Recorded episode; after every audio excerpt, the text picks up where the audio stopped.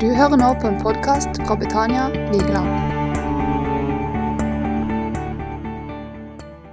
I dag tenkte jeg vi skulle ta en liten vandring med Jesus i to av hans sine dager her på jorda. Til å begynne med Jesus han eh, kom til jorda for å sette Guds ord og evangeliet i fart og i stand innføre den nye pakt, innsette muligheten for Den hellige ånd og skape fundamentet for menighetens framtid her på jord. Og han gjorde det med sitt liv, men han gjorde det med sitt ord også. Og Vi skal gå først til en veldig kjent beretning. Eh, den er faktisk så kjent at eller så, Det må være en av de store begivenhetene for det er faktisk den eneste, nesten, utenom, utenom døden på Golgata kors, lignelsen, fortellinga, som står i alle fire evangeliene. Og det er når Jesus gjorde dette brødunderet og metta 5000, pluss kvinner og barn, kanskje 10 000-15 000, vi vet ikke. Jesus han, han, var kjent over hele Galilea i den tida. Han var superstjerner. Han var, han var den mest ettertrakta underholdningsartisten som fantes i Israel på den tida. Alle kjente han, og alle fløy land og strand for å komme til et eller annet av hans sine samlinger. Og, og denne historien her, da er det egentlig Han kommanderer disiplene. Nå hopper vi i båten, og så ror vi over på andre sida, for nå orker jeg ikke mer. Nå er jeg så trøtt. Nå må jeg hvile, sier Jesus. Så må vi over der og så opp i fjellet der og slappe av litt og be. Det var Jesus sin plan. så Av og til så lurer jeg på, Hadde han ikke helt full kontroll? For det at Han burde jo vite hva som skjer i framtida, men han skulle av og hvile. Det sa han iallfall. Men vi vet når han kom over på den andre sida med båten sin, så sto det en stor folkeskare der av folk og venta på han. Og Der står det at eh, hvis vi ser i Matteus eh, kapittel 14 og vers 13 der, så står det en stor Vi skal ta og lese litt. Jeg tror det er viktig at vi leser Guds ord. Matteus 14, kapittel og vers 13.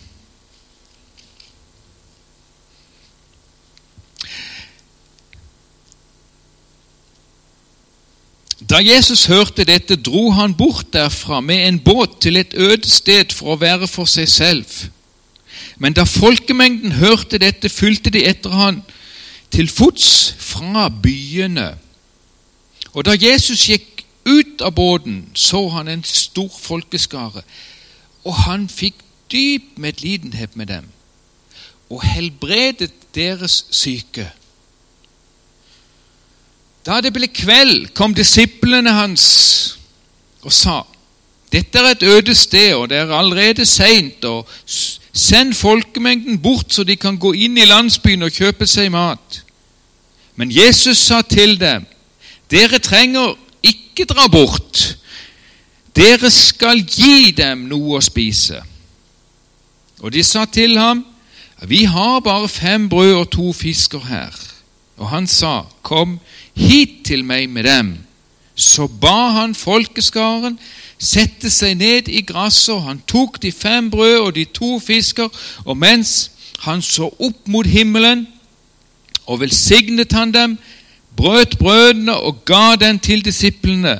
Og disiplene ga den til folkemengden, så de spiste alt, og det ble mette, og de samlet fem fulle kurver med stykkene som ble til overs. De som hadde spist, var rundt 5000 menn, foruten kvinner og barn. Det, det er jo to mirakler under her på en gang. Men Jesus griper, gripes av dyp medlidenhet. Når han så disse syke, så fikk han dyp medlidenhet med dem. og helbredet deres syke, står det i min oversettelse. Helbredet deres syke. Det høres ut for meg som om nesten alle ble helbreda i den teksten her. Og, og faktisk Etterpå så ga han de mat, og så sendte han de hjem igjen. Eh, men det jeg har stussa på Da står det at han straks sendte han disiplene sine i båten og sendte, og sendte folkene hjem. Og Jesus ble igjen for å hvile, står det videre. Han var trøtt. Når han hadde fått gitt dem mat, så sier han straks sendte han disiplene av sted i båten. Og så sendte han folk hjem, og så ble han igjen. Og,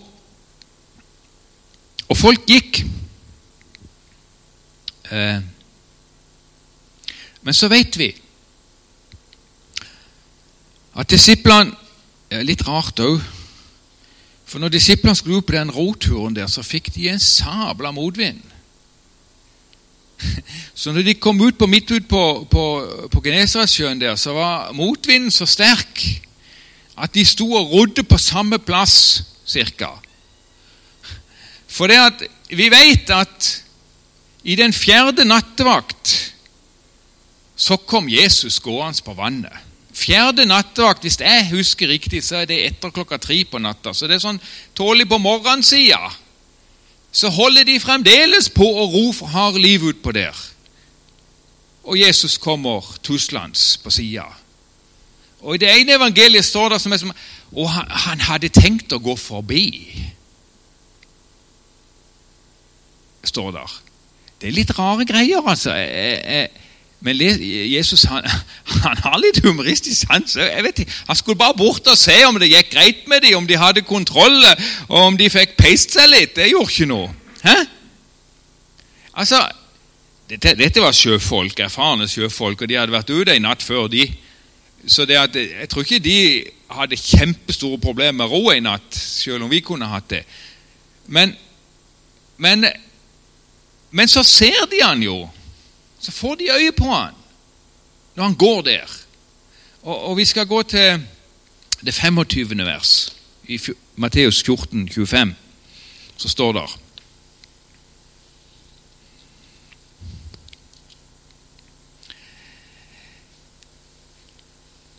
Men i den fjerde nattevakt kom Jesus til dem. Han kom gående på sjøen. Og så står det her Og da disiplene så han komme gående på sjøen, ble de forskrekket og sa I min oversettelse her så står det det er et spøkelse, sa de. Eh, det kan være det står annerledes i andre ord. Og de skrek av redsel. Eh, og straks talte Jesus til dem. Eh,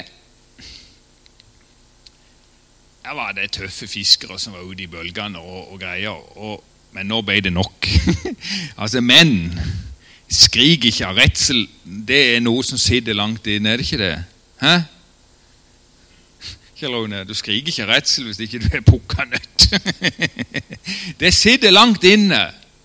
Jeg tror Ja. Men eh, eh, de hadde jo sett Jesus hadde drevet ut demoner, ikke vel? De hadde, sett, de hadde sett inn i den okkulte verden når Jesus reiste rundt med dem. Så de visste at det var en del negative krefter på den andre sida der. Og, og, de var livredde, for de skjønte dette her kunne ikke være en engel. Men det var jo Jesus sjøl. Så sier Jesus til dem, vet du Vær ved godt mot. Det er meg. Slapp av. Vær ikke redde. Altså, jeg har, tenkt mye. Hvor, hvorfor, ser dere bildet? Ser dere bildet foran dere? Hvorfor gjør Jesus dette her? Hæ? Altså, han, han gjør det jo veldig komplisert, syns jeg. Med å gå på sjøen. Og, og det er så mye bølger og vind og greier, vet du, at de Og der går han. Slapp av. Vær ved godt mot.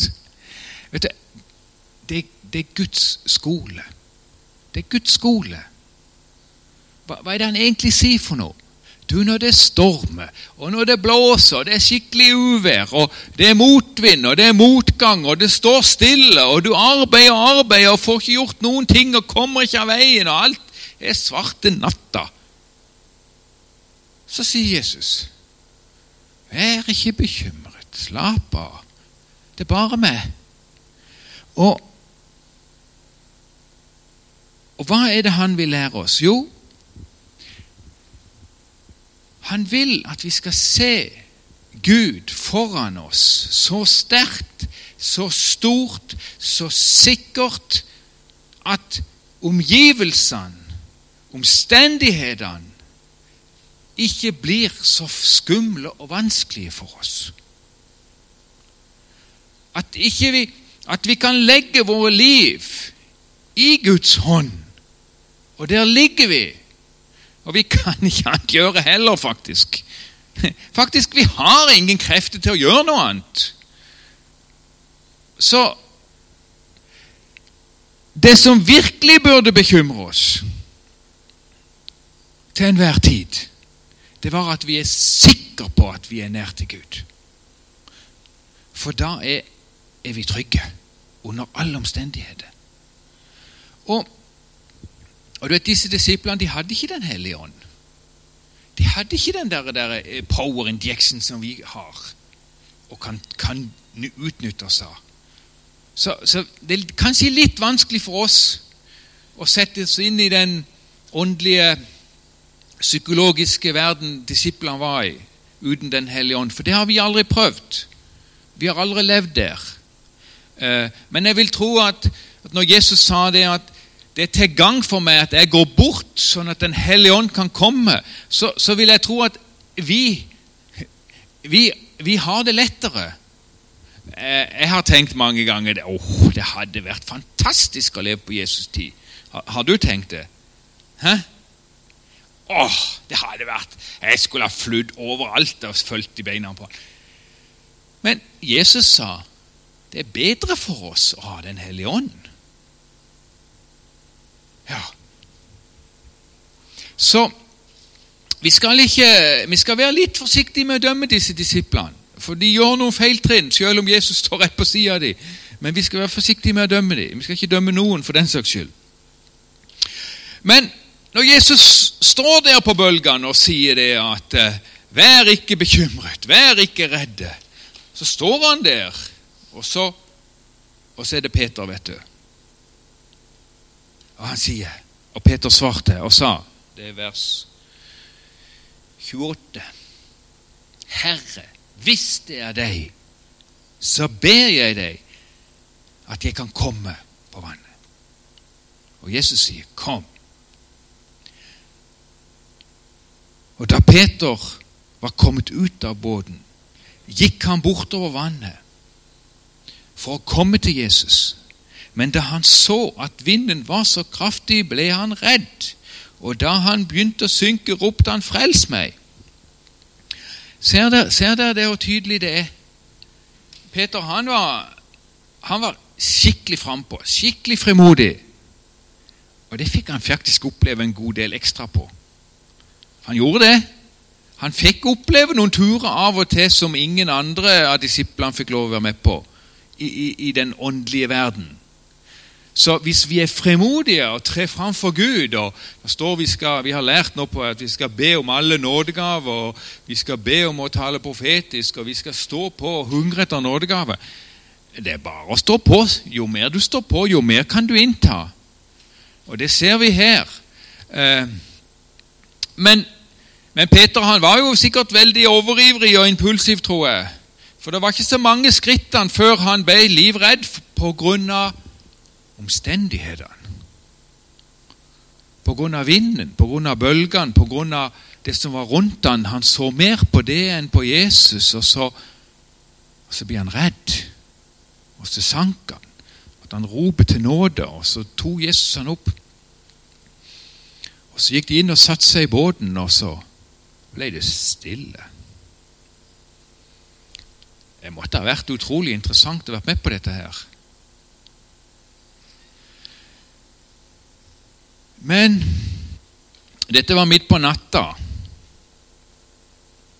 Når de kom eh, Nå har de jo hatt en ganske heftig dag bak seg, og i natt, ikke vel?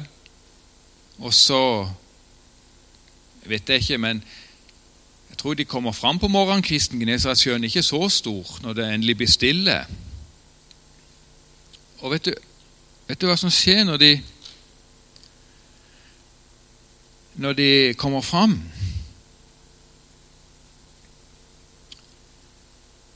Så står det når de kom i land Noen oversettelser står det Genesaretlandet. Jeg vil tro det er der mellom eh, Betzaida og, og, og, og det området der bort til nå står det uh, Kjell, den byen han var i hele tida, nesten. Hva var det for en by?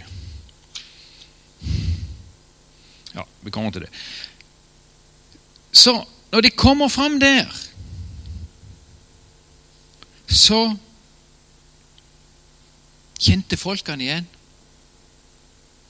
Så folk kjente han igjen, og de sendte bud rundt hele området. Så du vet, før formiddagen var skikkelig i gang der, så var det en haug med folk igjen.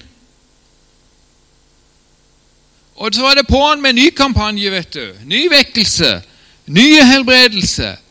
Og det står i Matteus 14, 36, så står det Og så mange som rørte ved dem, ble gjort helt friske. Det er sterkt. Det står jeg er ikke sikker, i, I flere oversettelser står det 'dem', altså Jesus og disiplene. I, i, I, King James så står det faktisk 'ved Han', altså med Jesus. Men, men de ble gjort helt friske bare ved å røre ved kappa til Jesus. Og Jeg skjønner jo at folk som hadde dårlig med sykehustilbud, de løp jo over hei og dal for å bære de syke til Jesus. Jeg ser jo det. Men så skjer det noe. Jeg vet ikke om det er samme dagen eller om det er dagen etterpå. Det vet vi ikke, men det er i, i, i sykronisk rekkefølge i, i evangeliene. Og uh, Jesus han uh, Jeg vet ikke hva vi kan kalle det for noe. Vi kan gå til Johannes kapittel 6. Uh, eh, det virker som han skal virkelig teste disiplene. Og på en litt sånn uforståelig måte. Vi skal lese Vi skal ta og lese det. Det er litt mange vers. Vi skal gå til Johannes kapittel 6, 53 53 til Vi kan begynne på 51, tror jeg, til 69. Jesus sier, 'Jeg er' Vers 51. 'Jeg er det levende brød som kom ned fra himmelen.' 'Hvis noen eter av dette brødet, skal han leve evig.' 'Og brød som jeg gir, er mitt legeme, som jeg vil gi for verdens liv.' Derfor, derfor trettet jødene med hverandre hvordan kan denne mann gi oss sitt kjøtt å ete? Og Jesus sa til den, sannelig, sannelig sier jeg dere, hvis dere ikke eter menneskesønnens legeme og drikker hans blod, har dere ikke liv i dere. Den som eter mitt legeme og drikker mitt blod, har evig liv, og han skal jeg reise opp på den siste dag. For mitt legeme er i sannhet mat, og mitt blod er i sannhet drikke. Den som eter mitt legeme og drikker mitt blod blir i meg og jeg i ham, på samme måte som den levende Far utsendte meg, og jeg lever ved Faderen, slik skal også den som eter meg, leve med meg. Dette er brødet som kommer ned fra himmelen, ikke som manna som deres fedre spiste siden, og siden døde. Den som eter dette brødet, skal leve evig. Og de sa han mens han underviste dem i synagogen i Kapernaum. Mange av disiplene hans hørte dette og sa, 'Dette er hard tale. Hvem kan høre dette?' Siden Jesus visste med seg selv at disiplene hans klaget over dette, sa han til dem, 'Er dette til anstøt for dere?' Hva om dere skulle se menneskesønnen stige opp dit hvor han var før? Det er ånd som gir liv, kjøtt ganger ingenting. De ord jeg taler til dere, er ånd, og det er liv, men det er noe, noen av dere som ikke tror. For Jesus visste fra begynnelsen hvem det var som, han, som ikke trodde, og hvem det var som ville forråde ham. Og han sa, derfor har jeg sagt dere, ingen, ingen kan komme til meg uten at det blir gitt han fra min far. Etter denne tid trakk mange av disiplene hans seg tilbake, og de gikk ikke lenger omkring sammen med han. Da sa Jesus til de tolv, vil dere også gå bort?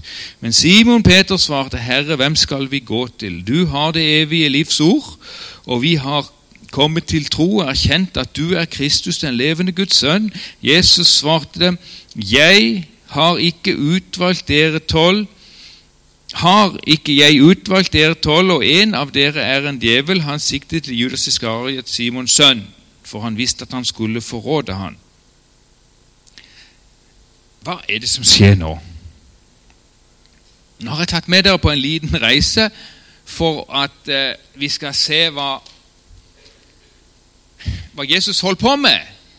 Og Så kommer han til Kapernaum. Det var der han bodde. Det var der han brukte veldig mye av sin tid i den tida.